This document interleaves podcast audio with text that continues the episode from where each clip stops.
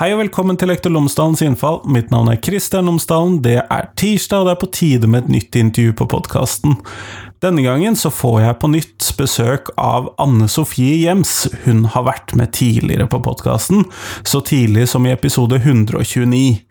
Eh, hun kommer fra Fuelbox, eller Fuelit, som lager Fuelbox, og vi skal snakke rett og slett om relasjonskompetanse, samtaler, og hvordan ulike verktøy kan bidra inn både på lærerværelset i fellestiden, og i klasserommet i undervisningstiden.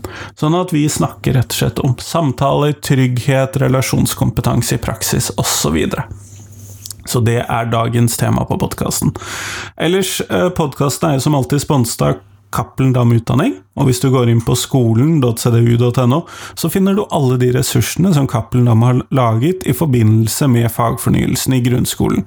Alle tema, alle årssyn, alle tverrfaglige temaer, alle klasser, alle fag, alt sammen, det finner du der inne. Og da kan det jo selvfølgelig ha, være seg at du har tilgang til dette gjennom arbeidsgiver allerede, men det kan også være at du finner en mulighet for å ta en sånn prøveordning, sånn at du får testet dette ut, uten at det skulle koste for mye. Men det finner du på skolen.cdu.no. Og så, nå får du Anne Sofie Hjems, vær så god, hei hei.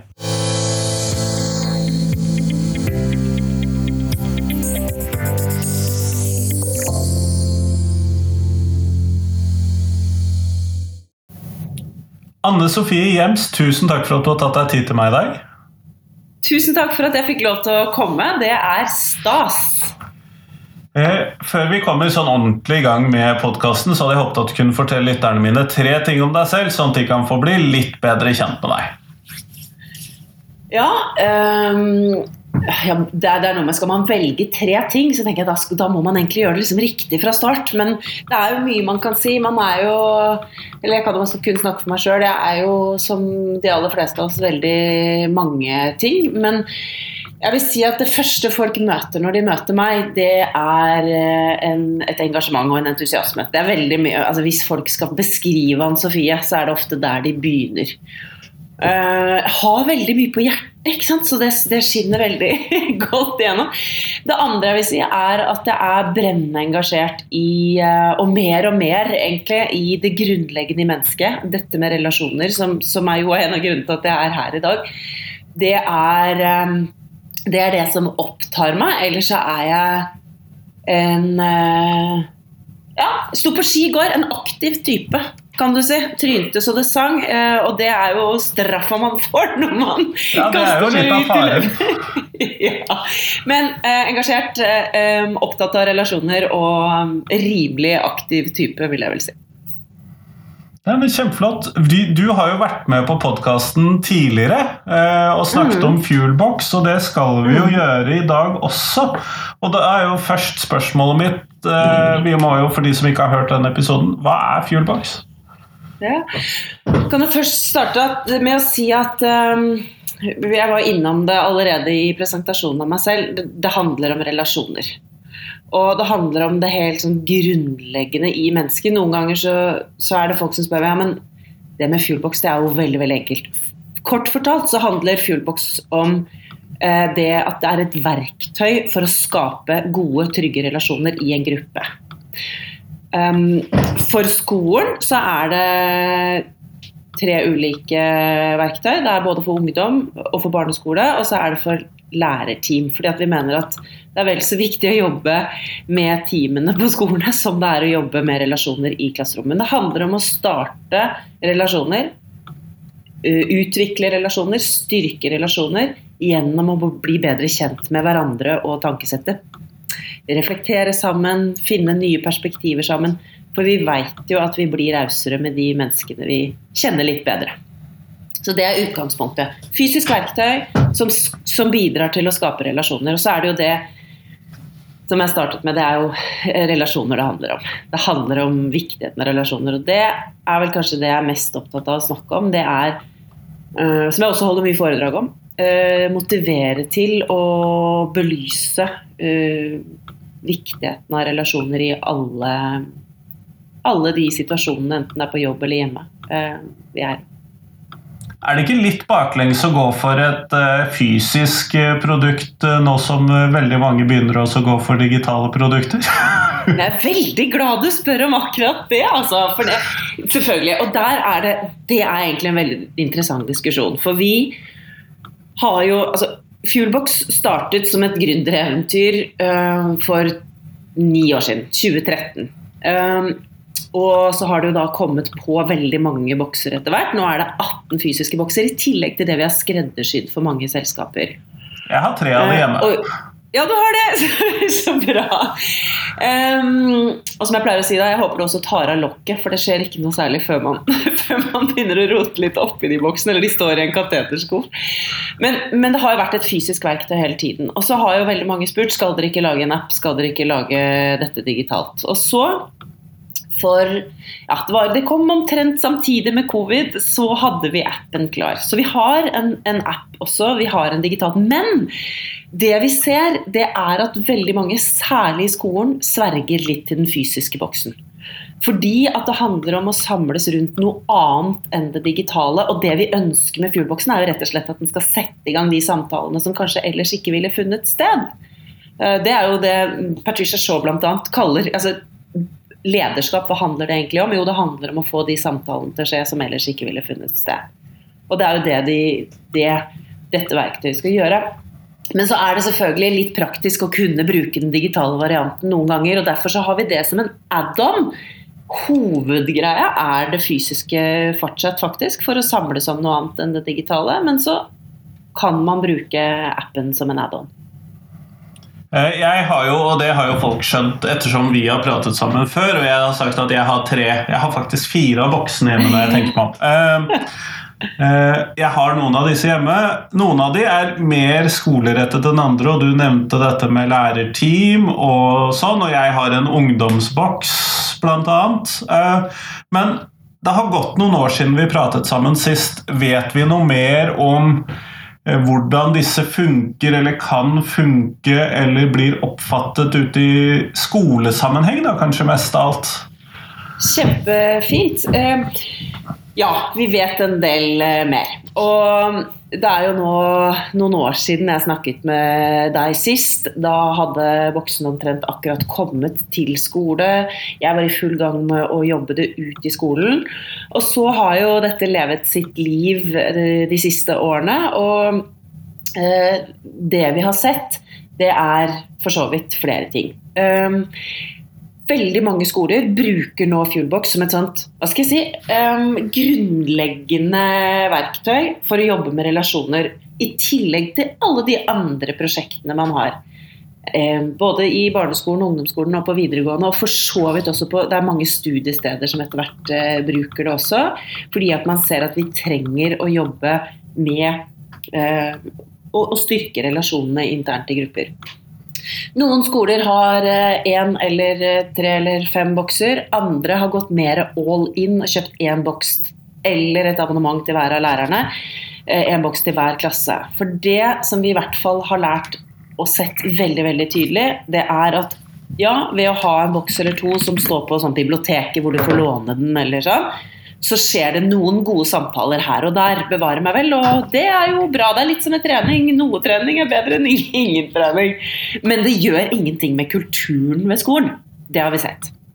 Eh, jeg har hatt kontakt med ganske mange skoler jevnlig nå gjennom eh, de siste tre årene. og den ene videregående skolen som jeg har hatt kontakt med hele veien, som har gjort et veldig sånn strukturert arbeid med læringsmiljøet, de bruker VIP-makkerskap sammen med Fuelbox, og en del andre ting som selvfølgelig hver og en lærer gjør. Um, men den strukturerte jobbingen, det å inkorporere og det å ta relasjoner på alvor og si at her på denne skolen så, så er det et sånn grunnleggende viktig strategisk grep vi gjør for å oppnå læring. For det er jo det vi ønsker. Vi ønsker å få disse ungene ut som både feilstøpte mennesker, og vi ønsker de skal kunne mye fag, og de skal eh, klare seg godt i sosiale settinger osv. Så, videre. så den skolen som jeg snakker om nå, videregående skole i Kristiansund, de har liksom jobba strukturert over tid. Så det er én ting vi har lært. Det å jobbe strukturert og ta relasjoner på alvor og skjønne at det er faktisk noe som er avgjørende. Og det tror jeg de fleste som jobber i skolen, det, det er noe de veit. vi som har vært borti klasser, vet at det er noe som, som, vi må få til. Det er derfor man allerede på barnetrinnet jobber med vennegrupper og familiegrupper og you name it. Men så ser vi at det eldre det er også en ting vi har sett veldig veldig tydelig. Det eldre elevene er, det høyere utdannelse Jeg beklager, folkens, for dere som hører på nå. Men sånn, altså nå har jeg møtt så mange skoler de siste tre årene, og jeg ser at det med relasjonsarbeidet, det med det grunnleggende arbeidet med relasjoner, det blir, kommer mer i bakleksa det eldre elevene blir, og det høyere utdanna lærerne er. Og jeg skjønner det. Jeg har selv jobbet i ungdomsskolen i mange år, og jeg vet at um, du har så press mot eksamen. Du har så press mot det. det er så, sånn at Tida du bruker i klasserommet på noe annet enn fag, den er så verdifull. Samtidig så har vi veldig tett korrelasjon. Den skolen jeg snakker om i Kristiansund, de har, blant, altså de har det for noe, 98% gjennomføring på videregående og frafallsprosenten er dermed veldig veldig liten. Og de mener at noe av den jobben, eller det resultatet, har kommet av at de har jobbet så strukturert med at folk trives på skolen. De trives sammen. De, har, altså de bygger lag hele tiden. Um, og så har det blitt gjort en del studier på, på verktøyet vårt uh, nå de siste årene, og det er kjempeinteressant. Jeg kan nevne to.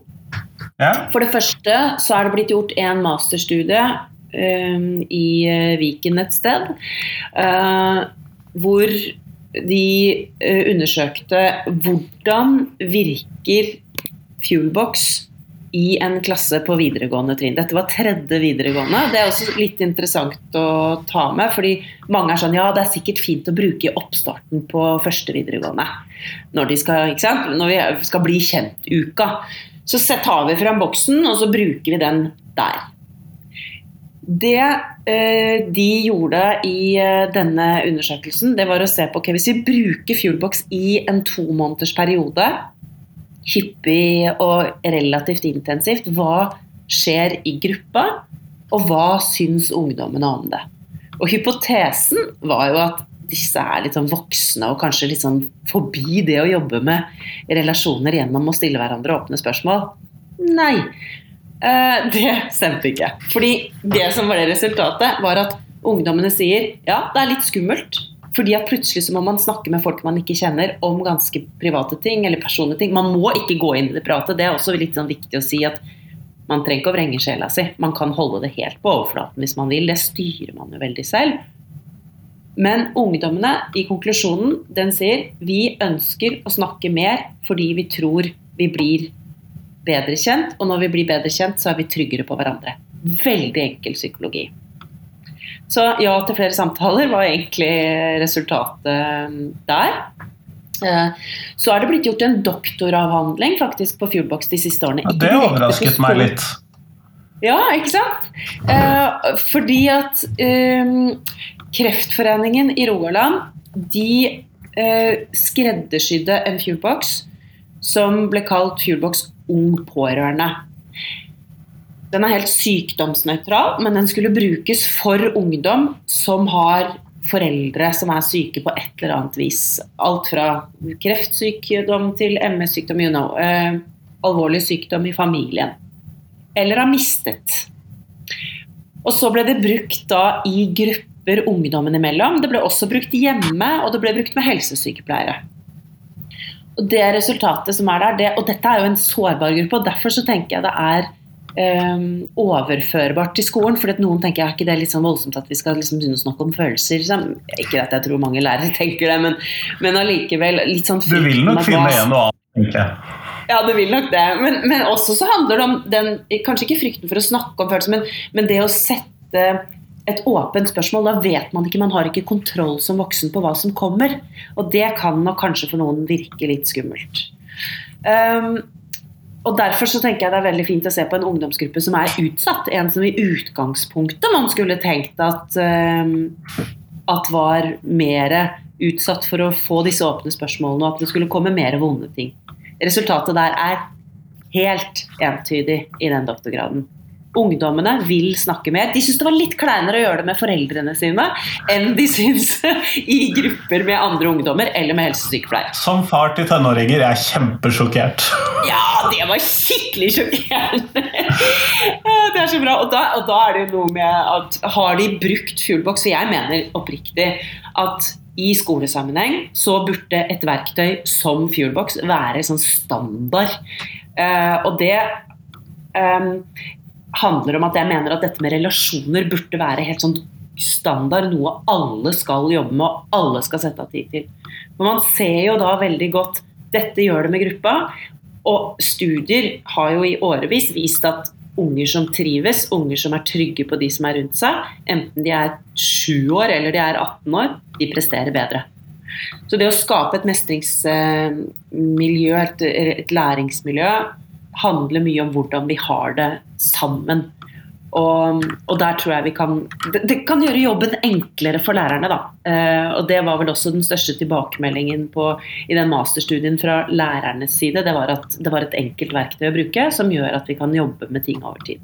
Så ja, det har skjedd ganske mye. Eh, at samtalen ansikt til ansikt funker, det tror jeg vi kan slå fast en gang for alle. Og så er det bare det å sette det inn i strukturen. For hvis det ikke kommer inn i strukturen, så gjør det heller ikke noe med kulturen. Nettopp, nettopp. Eh, og jeg kan jo se for meg det, fordi dette, dette, er jo kort som inneholder en del sånne spørsmål i mer eller mindre åpen art. Og jeg må innrømme, hvis jeg skulle klart å komme på disse spørsmålene, disse undringene som dere stiller i de kortene på egen hånd, så jeg tror ikke jeg ville klart å komme opp med så mange, må jeg innrømme. Eh, ja, og Du kunne jo sikkert ha klart det. Jeg har såpass trua på deg, Kristian, at jeg, jeg, tror kanskje du hadde kommet på mange av de. Men greia er at du skal få slippe å tenke de fram hver gang. Og der er vi inne på noe jeg syns er ganske viktig. For der er vi inne på hvor er det spørsmålene kommer fra i en klasse så er det enten de ønsker det eller ikke, så er det et form for hierarki. Det er noen som har høyere rang enn andre osv. Og, så og hvis to stykker sitter sammen og skal stille hverandre spørsmål for å bli kjent, så vil alltid den ene i hvert fall, kanskje begge to, men det vil være en blokk for kommunikasjonen i at man sitter og tenker hvor vil du hen med det spørsmålet? Hvor kom det spørsmålet fra? Hvorfor spør du meg om oppveksten min? Lurer du på om jeg er fattig? Lurer du på om jeg er rik? Lurer du på om jeg har to foreldre? Lurer du på, Hva er det du lurer på? Så, så, sitter vi der og tenker. Uh, kommer spørsmålene fra et annet sted, det det gjør fra, fra fuelboksen, så kommer spørsmålene fra et uhildet sted. Du slipper å sitte og tenke på 'hvorfor spør han meg om det?' um, og det har vi hørt masse tilbakemeldinger om fra i næringslivet når vi bruker det um, altså, Vi bruker det alt fra skal jeg si, topptunge styregrupper til barneskole. ikke sant? Det er veldig, og, og, det handler i stor grad om det samme. Vi er mer eller mindre sikre på de folka vi har rundt oss. Og hvis vi får et spørsmål som kommer fra et annet sted, så slipper vi rett og slett den blokken for kommunikasjon. Så du slipper å finne opp kruttet hver eneste gang, og så må du finne din form, da. Og jeg må jo si jeg snakket, Senest forrige uke så fikk jeg en mail fra en lærer som fortalte meg hva dette hadde gjort for en av gutta som dette er en historie som jeg har fått mange ganger på forskjellige varianter, men den siste nå var en gutt som ikke åpnet seg. Hun visste at han hadde det vanskelig hjemme. Og han hadde aldri åpnet seg i disse samtalene 'Hvordan går det med deg hjemme?' type samtaler. Nei, og de er vanskelige for en del av disse. Ja, helt klart. Fordi at alle spør alle, både lærerne og helsesykepleierne skal grave i meg fordi at de vet at jeg har det vanskelig, så har jeg ikke noe lyst til å snakke om det. Og så hadde, de, hadde, hun tenkt at ok, jeg har brukt Fuelbox på mange forskjellige måter, men nå skal jeg prøve meg fram til å ha det i en sånn åpen samtale med en elev én til én. Så fikk han trekke. Han valgte kategorien følelser. Og det var ikke et spørsmål, for det er litt viktig. Alle spørsmålene i Fuelbox er positivt retta, men de skaper arenaen der man kan snakke om de viktige tingene. Og så fikk han et spørsmål som handlet egentlig om noe annet, men talerøret kom litt på glid. ikke sant? Han kom litt sånn i gang med å snakke. Og så plutselig så fortalte han hvordan han egentlig hadde det i en helt annen setting. Og så fikk han lov til å ta med seg det kortet hjem til familien. Og så kom han tilbake på skolen dagen etter Og Da hadde læreren allerede fått en mail fra mor og sagt at endelig så klarte vi å åpne opp. Og Det handlet ikke egentlig om Fuelbox og det spørsmålet, men det handlet om at vi fikk en arena der ikke fokuset var meg og mitt problem. Og det tror jeg veldig mange er, grunnen til at veldig mange lærere stadig sender små meldinger til oss på Instagram eller på, på mail og sier at vet du hva, dette skjedde uh, i min klasse med sånn og sånn elev. Og så er alle med. Og det tenker jeg liksom, hele klassen får med. Det er ikke bare den klassen med problemer som det blir satt inn et tiltak på. Det er noe vi gjør på grunnleggende basis. Så det er litt for at du skal slippe å få den jobben da, med, med å finne opp, finne opp kruttet hver eneste dag. Ja, og jeg, jeg, skjønner jo det at det kan være lurt også å distansere det fra eh, den som stiller spørsmål. Og vi, jeg har i hvert fall i min oppvekst vært med på type spørrespill eller sånne drikkeleker hvor man stiller spørsmål eller noe sånt. Og det, bare det også Man skjønner jo etter hvert hvem som stiller spørsmål og hva de ønsker å oppnå med det, og det får, unngår man kanskje med denne typen uh, verktøy. da. Ja, og noe, Hvis man tar dette med relasjoner på alvor, da, hvis man tenker at det, det, er lurt å drive med, og det tror jeg vi er liksom enige om at det skal vi drive med, uh, så vet vi hva en del sånne, og Når du jobber med barn og ungdom, så, så vet du at det finnes en del stengsler for kommunikasjon. og blant annet så er det nettopp det. For Hvis du er usikker på hvor folk vil hen i denne relasjonen, og hvis det er en skjevhet i hvem du er i hierarkiet, så tar det bort noe av det. Og det synes jeg gjør det, Og så er det noe med at de glemmer ofte Vi voksne er litt sånn hvordan skal jeg bruke det? Hvordan? Altså, bare begynn! Eh, det, det er liksom, Ta dette lokket, det er ikke så farlig. Eh, et åpent spørsmål er ikke så farlig. Og ungene de tar det veldig fort. Jeg syns det er veldig interessant med min egen eh, ungdomsskoleklasse som jeg hadde. Det var de som etterlyste det. Og sa Sofie, nå har du glemt en ting denne uka. Og jeg bare Å, det stemmer. Fordi at de trodde de hadde en brain break. Mens jeg visste at vi jobba med noe av det aller, aller viktigste nettopp at de skulle bli litt mer glad i hverandre for hver gang vi gjorde en sånn øvelse. Mm. Eh, vi har jo snakket om at dere har en sånn lærerteamboks også. Hva bruker man, eller hvor, hva er den ment for, da? Jeg skjønner jo at den kanskje har noe med teamarbeid på skolen å gjøre, men uh, hva er tanken? Ja. Um, Uansett i hvilke deler av samfunnet hvor vi jobber, så jobber vi med, med det samme. For det handler om akkurat det samme uansett. Det handler om å få de samtalene til å skje som altså Vi hårete nok sier at det, sånne samtaler de endrer både mindset, men de endrer også liv. Det vet vi av tilbakemeldingene vi har fått. Og så er det noe med Hvis vi, hvis vi holder oss i skolen, hvis vi skal sette i gang en aktivitet i en klasse eller på en hel skole, så mener jeg du er nødt til å teste det sjøl. Som, som, underviser, enten er lærer eller om du jobber i SFO, eller du, hvilken rolle du har. Eh, så teste ut selv. Og så vet vi at hvis lærerne, det har vi sett veldig tydelig på de skolene som bruker Fuelbox, hvis lærerne bruker Fuelbox jevnlig i lærerteamene sine, eller i teamene. Eh, gjerne også med miljøarbeiderne, med alle de delene av teamene som finnes på skolen. Så får de ideer til hvordan de kan bruke det med elevene. Det er én ting. Samtidig er det liksom kinderegg, samtidig som de jobber med relasjonene internt i gruppa. For er det noe vi vet, så er det at på en skole så går det en kule varmt i ny og ne. Det har skjedd før, ja. Ja, det har skjedd før. Før eksamen. Det er mye hvis, altså sånn som nå, Jeg har jo snakket med mange skoler underveis i, den, i pandemien som vi har vært gjennom nå også. Man, altså, det, når man blir pressa, så er vi snakker om sånn grunnleggende behov igjen. Altså, det er tøft å være i skolen i perioder. Mer eller mindre. Og da er det noe med at hvis vi kjenner hvor, ting, hvor de andre menneskene hvor de andre kommer fra, så er det også lettere å være litt rausere når du går en kule varmt. Um, og det å jobbe jevnlig med det vil da dermed gjøre relasjonene sterkere på kryss og tvers. For du sitter jo gjerne i forskjellige team. Kanskje du sitter i samme team i tre år, og så får du et helt nytt team. Um, for å bygge de relasjonene på nytt. Vi vet at det fins også veldig mange forskjellige mennesketyper i lærerteam. Noen prater mye, sånn som f.eks. meg. Og, og noen prater ikke så mye. Og det å få alle sin stemme til å bli hørt, det er egentlig ikke noe annet enn i en klasse. For du vil jo ha de som liksom «Ei, ei, ei, ei, ei, ikke sant? Og så vil du ha de du aldri hører. Det å sørge for at alle får sagt noe.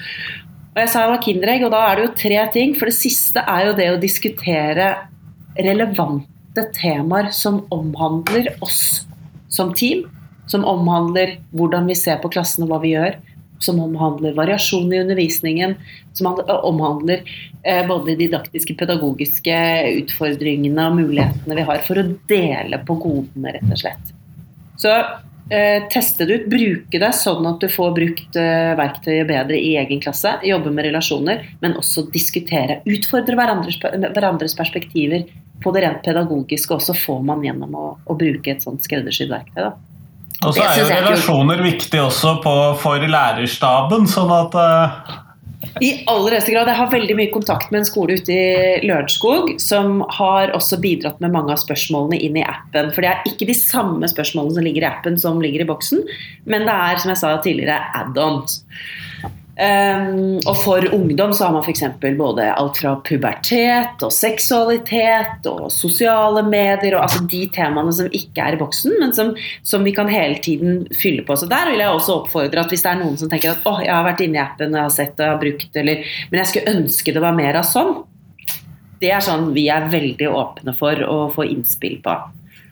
Um, men det handler jo om uh, Og den skolen som, som det er i Lørenskog, de jobber nesten vel så strukturert med Fuelbox rundt, uh, rundt, de ansatte som de gjør i klasserommet.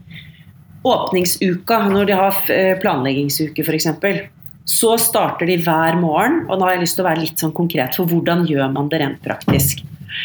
Um, de starter hver morgen med det de kaller et fuel moment, hvor de trekker ett spørsmål fra en gitt kategori. I den ene skolen som jeg snakker om nå, de har fire, tre eller fire dager eh, planlegging.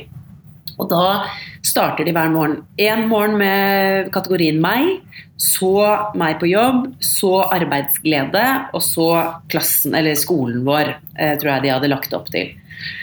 Så trekker de ett eller to spørsmål på morgenen et kvarters tid. Noen spørsmål tar vi lang tid på. Det tar ikke så lang tid, altså? Nei, ikke sant? Du kan starte med et kvarter da, på hvert teammøte, f.eks. Hvis vi skal overføre planleggingsuka til det. Starte med ett spørsmål. Og du kan godt velge kategori. At i dag så tenker jeg at uh, dette kan være smart. Eller den som velger å trekke, eller den som får velge dagens spørsmål, kan velge kategori. Uh, mens her på denne skolen så var det rektor som har sagt at okay, vi, vi, begynner med liksom meg personlig. Det er viktig å få oss kobla på hverandre igjen etter sommerferien. Og så går vi mer inn i det pedagogiske arbeidet utover uka. Men vi holder på samtalene. I tillegg så hadde de avsluttet de hver dag med øh, det vi kaller en walk and talk, som veldig mange bruker. Vi vet at vi tenker mye bedre når vi går og beveger oss. Så avsluttet de da med nye samtalepartnere på slutten av dagen. Det gjør flere ting. ikke sant? Du får de bruddene. Eh, du får reflektert sammen. Og du får kobla nye mennesker i personalet sammen på tvers. Så hvis du i løpet av fire dager så har du både oppstarten og avslutningen med nye samtalepartnere, så vil du hele tiden skape nye eh, nye relasjoner på tvers i personalet. Fordi at vi trenger å jobbe bra sammen. Selv om du jobber med naturfag og jeg jobber med KRLE, ehm, så trenger vi å trekke klassene sammen. Og, der trenger vi at vi får relasjoner eh, i bånd også i personalet. Ja, og Vi må jo kunne også fungere sammen uten å skulle stille hva skal vi kalle tvilende til motivene til den andre læreren, f.eks. Så det kan jo tidvis være vanskelig. Det er jo ikke alle mennesker vi klikker helt godt med. Nei, og det er så viktig! For det er jo ikke sånn Helt naturlig så er det jo ikke sånn at vi klikker med alle. Og det, det, sånn er det jo bare. Det har jo med kjemi og alt mulig rart å gjøre.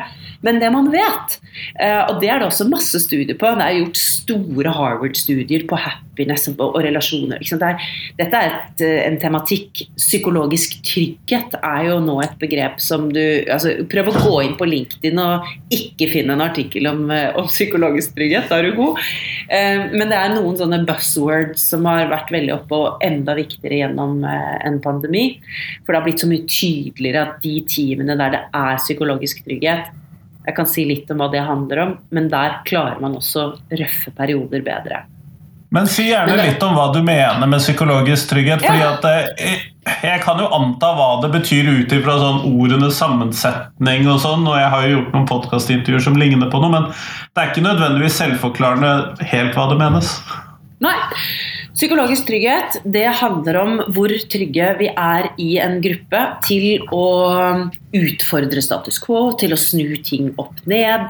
eh, Stille kanskje også de litt sånn vanskelige negative spørsmålene for å utvikle seg videre. Der man ikke er redd for sanksjoner dersom man gjør noe annet enn det ledelsen sier, f.eks. Altså, men det krever en del ting.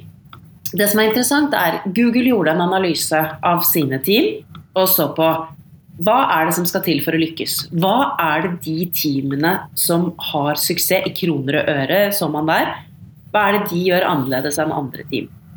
Man tenkte at eh, dersom man setter sammen eh, komplementære egenskaper, kompetanse, flinke folk i ulik alder, setter sammen sammensatte team. Det å sette sammen team, det er vanskelig, det. Det er sånn bingo, egentlig har man skjønt etter mye studier. Det er ikke så lett å, å, å sette sammen drømmeteamet.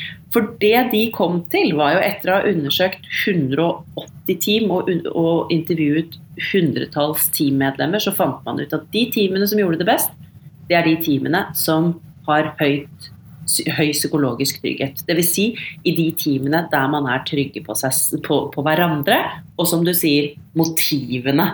For det er jo det vi ofte lurer på. Det er jo der dette spørsmålet, hvor, hvor kommer dette spørsmålet fra, er. Fordi man er usikker på hvor, hvor kommer dette fra. Og så eh, ser man, må man da se på ok, man vet at for å lykkes som team, så må man ha en høy grad av psykologisk trygghet. Man må tørre å, å være trygge nok på hverandre. Men hvordan er det man får til det? Og det er jo der det springende punktet. Hvordan får man et team som er trygg på hverandre? Det er en del ledere som sier her hos oss Jeg har kommet på skoler hvor rektor sier her er det veldig høyt under taket. Ok? Eh, og så hører du at ja, det er mange som fleiper ganske rått med hverandre. ikke sant? Men så ser du at ja, det er kanskje Nå stikker jeg fingeren litt sånn i jorda, men, eller litt opp i lufta, det alt ettersom, men altså det er sånn 70-80, kanskje 90 til og med har det sånn med hverandre.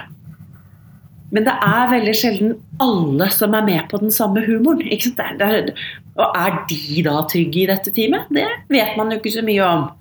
Og det hjelper ikke for en leder å si her hos oss er vi psykologisk trygge, eller her er vi trygge på hverandre.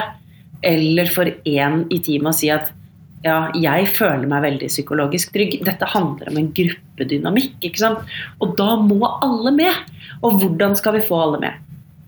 Hjerneforskning viser veldig enkelt og greit at det mest effektive for å opprette og øh, vi, hva heter det for noe, vedlikeholde tillitsfulle relasjoner, det er å snakke sammen, ansikt til ansikt. Fuelbox er jo bare et verktøy for å få det til å skje.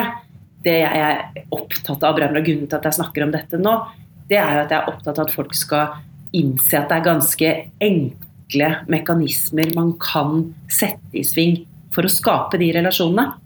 For å nettopp skape psykologisk trygge team. Men da må man gjøre det over tid. Og da må man sette det på agendaen. Man må sette det inn i en eh, struktur. Det mener jeg Altså, Nå kjenner jeg at jeg blir skikkelig engasjert.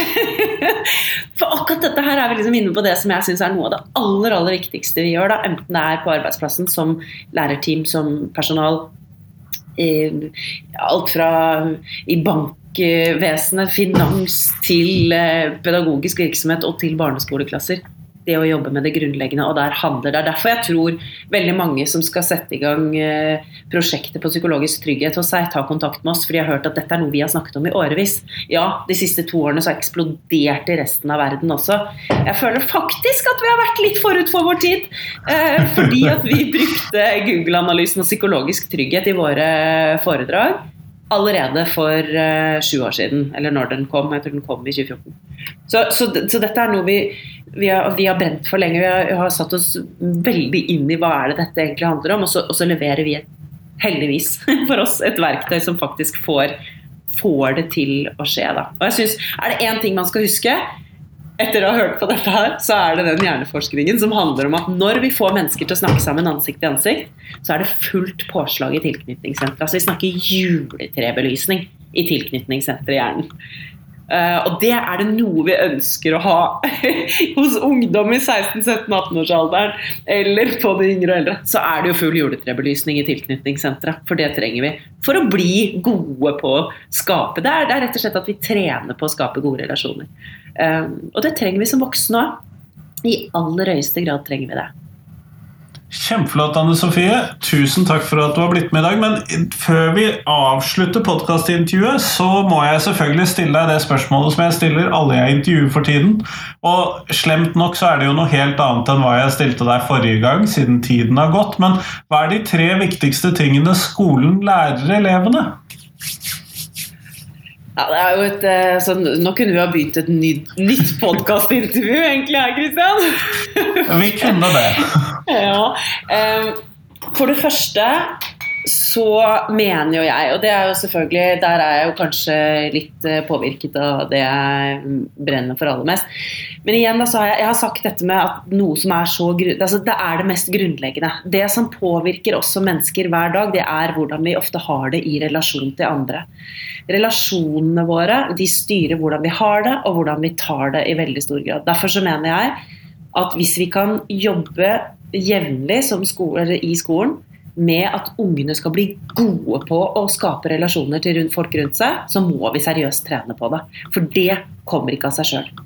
Så jeg mener at uh, altså, bli gode på, på, å få venner, da.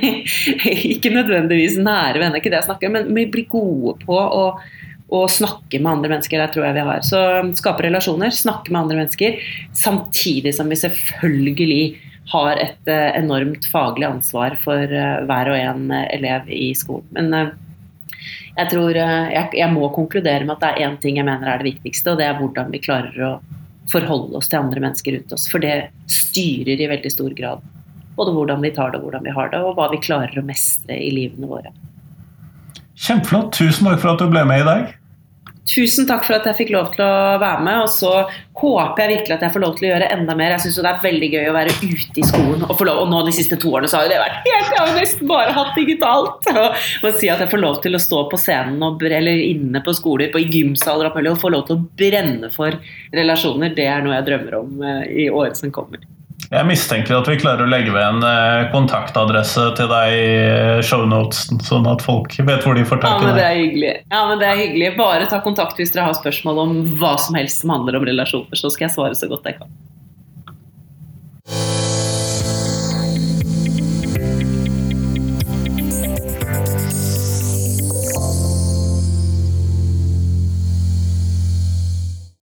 Tusen takk til Anne Sofie, og tusen takk til deg som hørte på.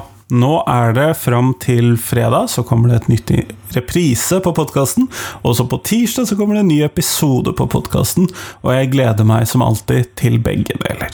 Men jeg blir veldig glad hvis du deler podkasten min med noen, enten du deler en episode som du tror er ekstra interessant, eller du deler hele podkasten og sier at 'dette må du høre på', hør gjerne på alle 415 episodene.